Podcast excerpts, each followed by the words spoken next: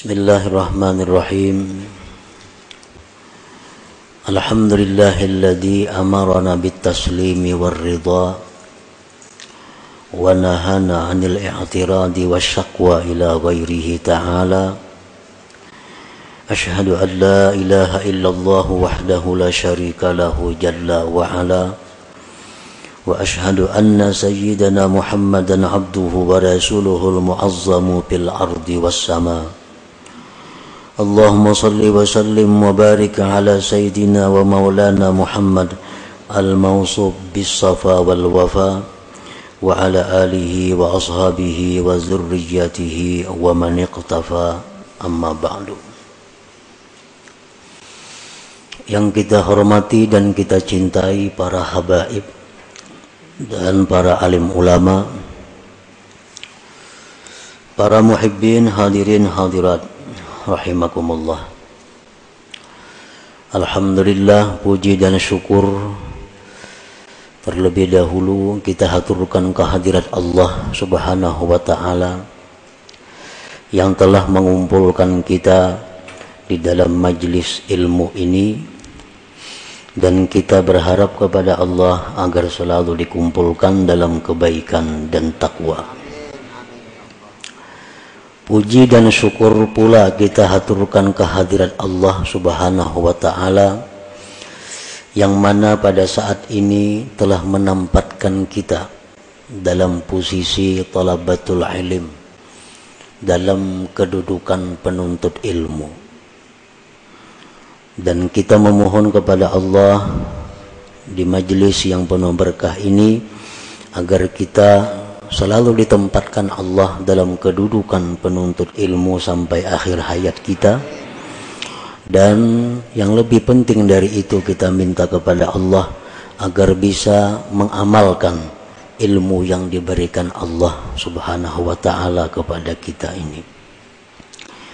Salawat dan salam kita haturkan kepada junjungan kita Nabi besar Muhammad sallallahu alaihi wasallam dan kepada seluruh keluarga, para sahabat, zuriat dan pengikut beliau sampai hari kiamat nanti.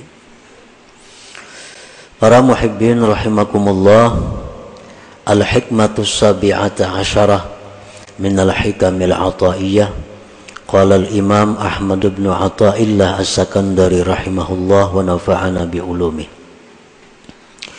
Hikmah yang ke-17 dari Al-Hikam berkata pengarangnya Al-Imam Ahmad bin Atta'illah As-Sakandari rahimahullah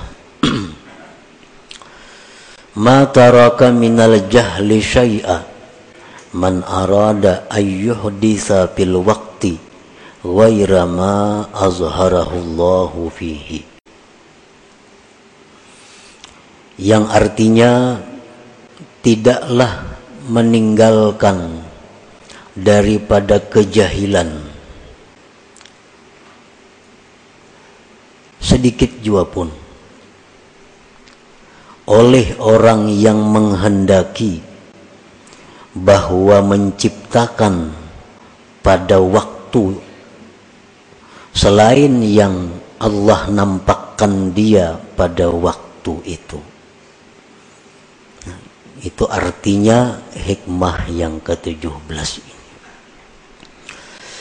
Para muhibbin rahimakumullah, adapun tafsirnya dari hikmah ini adalah Idza aqamallah subhanahu abdan bihalin minal ahwal badaniyan kana aw qalbiyya la yadhummuhu syar'u fal yaltazim dhalik wal yuhsinil adaba wal yarda bidzalik wa la yantaqil ila ghairi ma huwa fihi hatta yanqulahu subhanahu wa ta'ala fa in ila ghairi ma huwa fihi faqad jahila rabbah wal jahlu billah ajhalu minal jahlil murakkab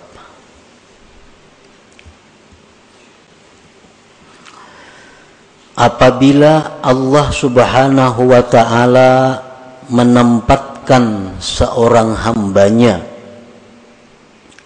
pada satu keadaan daripada keadaan-keadaan. Baik keadaan itu bersifat badan atau bersifat hati. Yang mana keadaan itu tidak dicela oleh syara, tidak dicela oleh agama, maka hendaklah dia melazimi keadaan itu dan baiklah adab kepada Allah dan hendaklah riba kepada Allah dengan demikian tadi dan tidak berpindah kepada selain sesuatu yang adalah dia pada sesuatu itu sehingga dia ber, sehingga Allah yang memindahkannya Apabila dia berpindah kepada selain sesuatu yang adalah dia pada sesuatu itu, maka berarti dia jahil dengan Tuhannya. Jahil dengan Allah itu lebih jahil daripada jahil murakkab. Nah itu salah satu di antara sekian banyak tafsir uraian daripada hikmah yang ke-17 ini. seorang hamba ini hikmah yang ke-17 adalah merupakan adab adab seorang hamba Allah kepada Allah tata kerama bagaimana seorang hamba yang baik itu dengan Allah?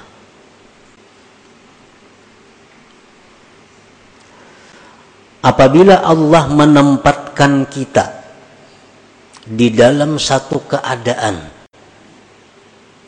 baik yang bersifat keadaan itu di badan kita atau hati kita yang keadaan tadi jelas sudah tidak dicela oleh agama maka keadaan tersebut kita lazimi. Dan hendaknya kita membaguskan adab. Dan kita riba dengan keadaan yang ditempatkan Allah itu. Dan kita tidak berpindah untuk mencari keadaan-keadaan lain. Sehingga Allah sendiri yang memindahkan kita kepada keadaan yang lain itu apabila kita berpindah sendiri tanpa ada petunjuk dari Allah maka berarti kita jahil dengan Allah sedangkan jahil dengan Allah itu lebih jahil daripada jahil murakkab.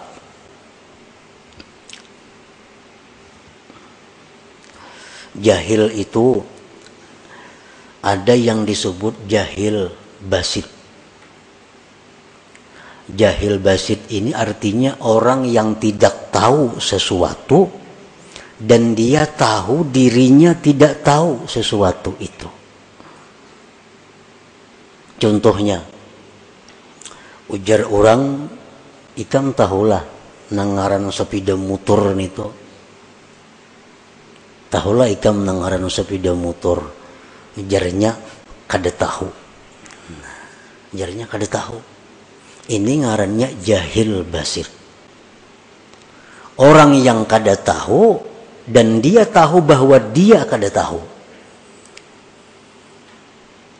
Tahulah sepeda motor kada tahu habis sudah kisahnya. Ini jahil yang paling inting. Dan kadang-kadang jahil seperti ini dalam beberapa hal terpuji jahil yang kedua adalah jahil murakkab. Orang ini tidak tahu dan dia tidak tahu dirinya tidak tahu. Nah, ini berat jahilnya. Kada tahu lawan sesuatu dan inya kada tahu bahwa dirinya itu kada tahu. Ujar orang ikam tahulah sepeda motor tahu ay mananya tuh menunjuk ke kambing. Nah, menunjuk ke kambing. Berarti orang ini jahilnya dubul. Lawan kambing kada tahu lawan sepeda motor kada tahu lawan dirinya jahil kada tahu. Nah ini ngarannya jahil murakab. Yang lebih jahil dari jahil murakab ini ada lagi. Orang yang jahil dengan Allah. Orang yang tidak tahu bahwa Allah yang menciptakan dia. Orang yang tidak tahu bahwa Allah yang mengatur seluruh yang ada ini. Orang yang tidak tahu bahwa Allah yang menghendaki segala yang telah terjadi dan akan terjadi. Dia tidak tahu bahwa Allah yang memberi rezeki kepada dia. Dia tidak tahu bahwa Allah yang menghidupkan dia. Dia tidak tahu bahwa Allah yang mematikan dia. Nah, jahil terhadap Allah ini lebih jahil daripada jahil murakab tadi.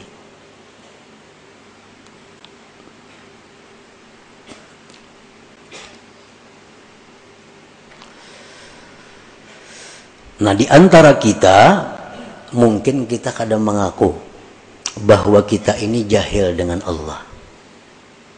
Mungkin kita kadang mengaku bahwa kita ini jahil dengan Allah.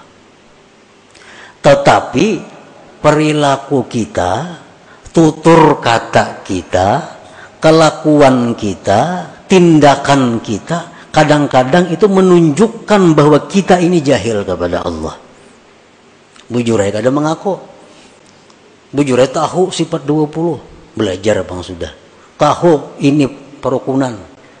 Tahu kitab tentang sifat ini macam-macam tetapi pada kenyataan dalam praktik menunjukkan bahwa dia itu jahil dengan Allah. Nah itu kebanyakan di antara kita. Takunin aja kita tahulah sifat Allah tahu. Tahulah Allah bersifat ini tahu karena sudah belajar. Tapi dalam gawian sehari-hari menunjukkan bahwa kita ini jahil dengan Allah. Buktinya ada dendam dalam hati kita Buktinya kita sering kali menyalahkan asbab dalam segala sesuatu. Buktinya kita sering kali bergantung dengan asbab. Buktinya sering kali kita gembira dengan asbab. Kita sedih dengan asbab. Nah itu praktik-praktik menunjukkan kita jahil dengan Tuhan. Jahil dengan Tuhan itu paling dahsyat kejahilan lebih jahil daripada jahil murakab tadi. Para muhibbin rahimakumullah. Nah kemudian contoh-contoh di antara hikmah yang ke-17 ini.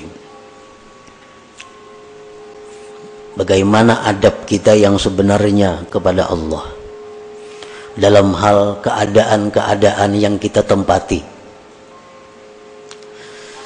إذا أقام الله عبدا في طلب العلم تلميذا كان أو شيخا وكفاه من أمر دنياه فالتزم ذلك وليحسن الأدب مع الله وليرضى بذلك ولا ينتقل إلى غير ما هو فيه حتى ينقله الله سبحانه apabila Allah menempatkan hamba pada menuntut ilmu. Baik murid atau guru. Guru dan murid itu sama-sama masuk dalam penuntut ilmu. Misalnya kita berwakaf ini untuk penuntut ilmu.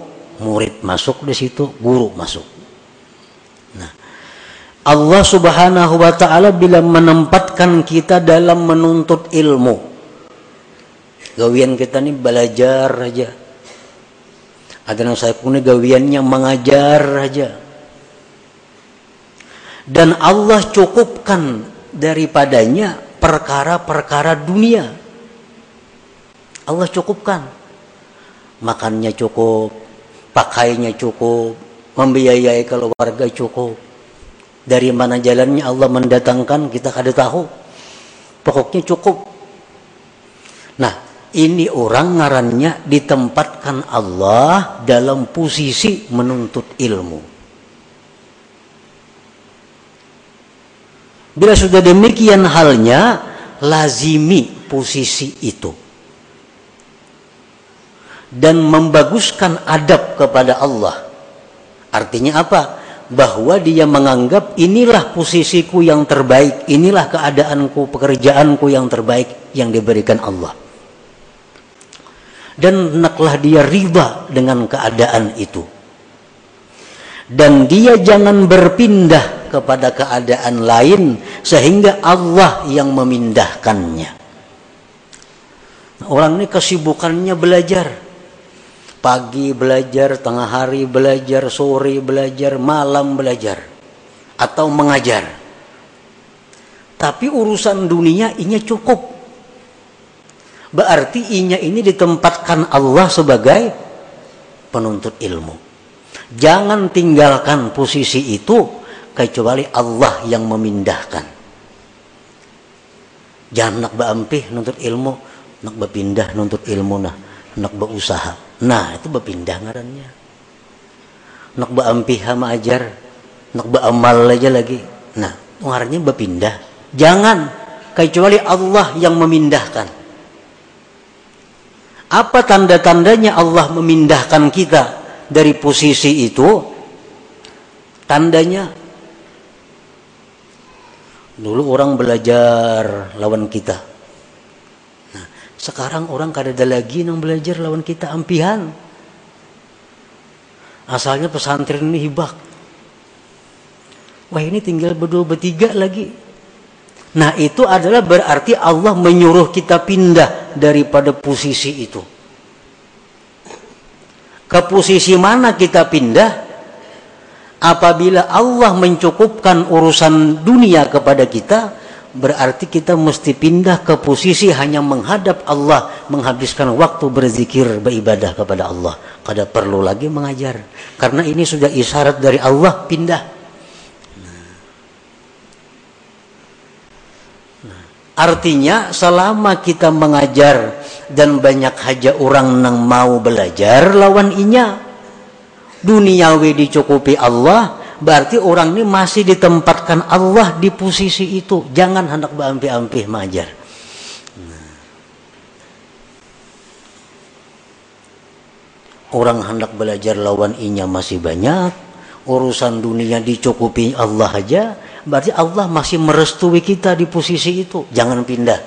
Jangan hendak dalam kamar aja bak orang bakhalwat jangan. Karena Allah masih menghendaki kita di posisi itu.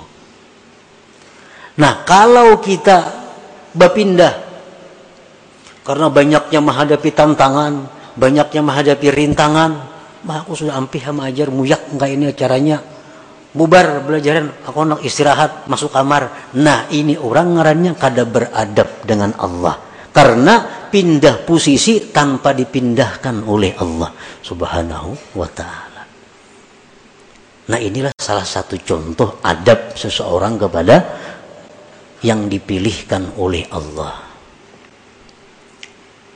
Contoh lain lagi. Wa idza aqama Allahu 'abdan fi tijaratin aw sun'atin ma'as salamah fi dinihi wal muhafazah ala awradihi wal kifayah ala mu'nati man talzamuhu mu'natuhu falyaltazim dzalik wal yuhsinil adab ma'allah wal yarda bidzalik wala yantakil ila ghairi ma huwa fihi hatta yanqulahu Allah subhanahu. Apabila Allah menempatkan seseorang hamba dalam perdagangan atau pekerjaan lain. Kita ditempatkan Allah jadi pedagang atau pengusaha lainnya.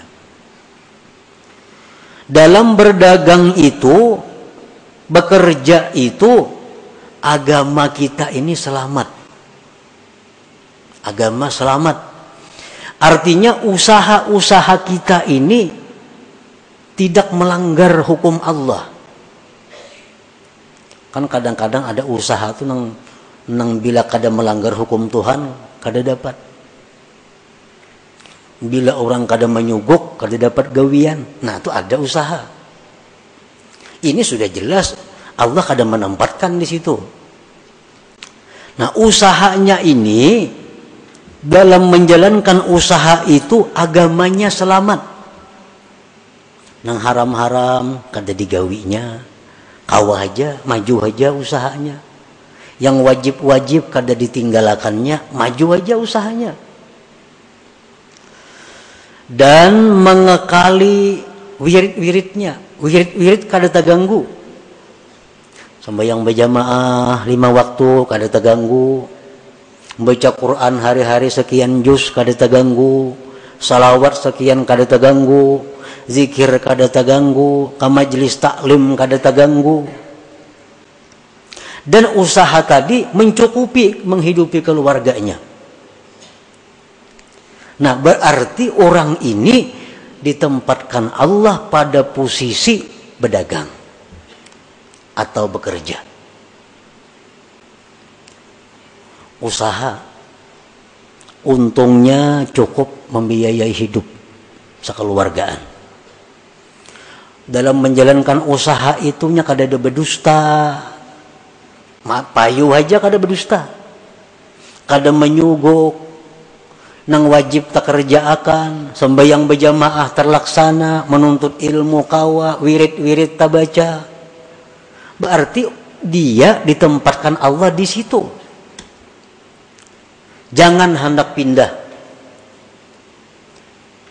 jangan pindah kecuali Allah yang memindah apa tandanya Allah memindah apabila antara lain dalam menjalankan usaha itu sudah kada kau menghindari nang haram.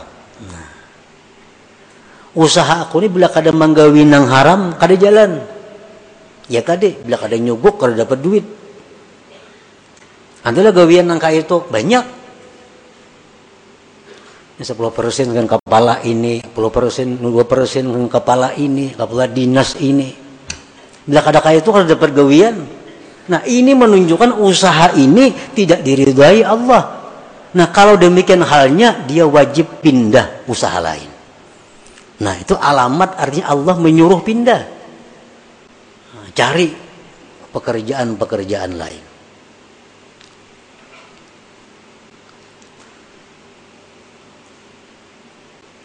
Nah, apabila seseorang itu usahanya bagus, agamanya selamat, wirid-wiridnya terlaksana, untungnya cukup menghidupi keluarga, dia tetaplah pada posisi itu. Jangan pindah kepada posisi lain kecuali Allah yang memindahkannya. Tandanya Allah memindahkan sudah kesulitan dalam menjalankan usaha untuk menghindari yang haram atau melaksanakan kewajiban. Nah, berusaha ini mengaji kada tak kaji lagi, wirid banyak kada tabacai lagi. Hendak kadaka itu kada dapat duit. Nah berarti usaha ini sudah disuruh Tuhan tinggalkan. Cari usaha lain. Cari usaha lain. Nah itu adabnya kepada Allah bagi orang-orang yang ditempatkan Allah dalam posisi usaha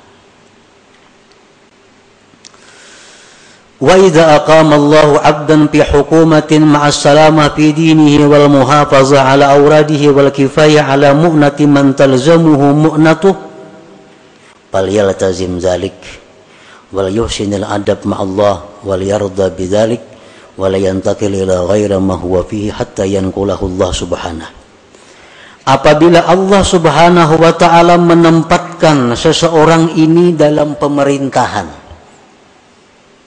Inya ini ditetapkan Allah dalam pemerintahan. Jadi pegawai. Baik itu pejabat apa ngarannya? Dalam pegawai itu, dalam menjalankan tugas itu, dia bisa menyelamatkan agamanya. Bujurannya jadi kepala ini, kepala depak umpamanya, kepala PO, tapi inya urusan agamanya selamat. Kada ambil duit orang, membagi gawian dengan jujur. Pokoknya nang haram-haram itunya bisa menghindari. Kapangajian tetap kawal turun, wirid-wiridnya terbaca. Gajinya cukup menghidupi keluarga. Berarti orang ini sudah ditempatkan Allah, direstui Allah di posisi itu. Jangan hendak mundur dari jabatan itu kecuali Allah yang memundurkan. Tandanya Allah memundurkan apa? Aku jadi kepala ini kada kawa, kada korupsi. Kenapa kada kawa kada korupsi? Busku menyuruh korupsi. Hendak kada ku intain ini kayak pemberi yang di atas. Nah, kada kawa. Maka di atasnya kadang-kadang hendak ke Jakarta, minta duit. Mana duitnya? Bila kadang maintai orang. Hendak ke anu. Nah, bila sudah ini terjadi, berarti ini gawian sudah tidak diridai Allah. Pindah dari situ. Kalau hendak selamat. Hendak sakit, karusakan ada apa-apa juga bang. Ini hendak kisah, hendak selamat nih. Pindah dari posisi itu. Cari jabatan-jabatan yang aman. Banyak kayak jabatan yang aman. Yang kada berurusan lawan hal-hal itu. Paman sekolah, aman jabatan. Nah, bisukan buka kunci sekolahan, sekue, istirahat. Pindah cari posisi yang aman. Nah itulah yang dimaksud oleh hikmah yang ke-17 ini. Nah sekarang kita kita ukur gawian kita, pekerjaan kita yang ada nih. Apakah direstui Allah atau kada? Apakah disuruh Allah pindah atau kada dari pekerjaan sekarang? Ukurannya apakah agama kita selamat dalam pekerjaan ini? Apakah kita bisa menjaga wirid-wirid kita? Bila bisa, berarti pekerjaan ini diridai Allah. Dan Allah menempatkan kita pada posisi itu. Jangan berpindah-pindah dari situ. Kecuali karena Allah yang memindahkan kita.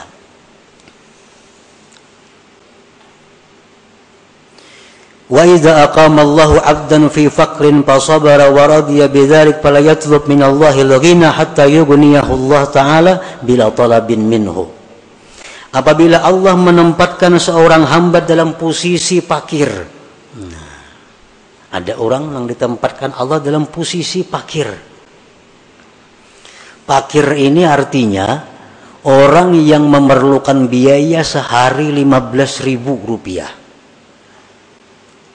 Tapi yang ia dapatkan hanya 6 ribu atau kurang lebih itu. Ini pakir. Inya perlu sehari ini menghidupi keluarganya 20 ribu. Usaha yang didapatnya hanya 7 ribu. Nah ini fakir. Apabila Allah menempatkan seseorang hamba dalam posisi fakir, tapi inya sabar. Inya ridha aja, kada jadi pikiran. Beramal lancar, nuntut ilmu lancar, padahal duit sakit. Nah, Fala yatlub minallahi lagina. Jangan hendak minta kaya kepada Allah. Jangan hendak minta luas rezeki kepada Allah. Sehingga Allah nantinya sendiri yang mengayakkan dia tanpa permintaan daripada dia.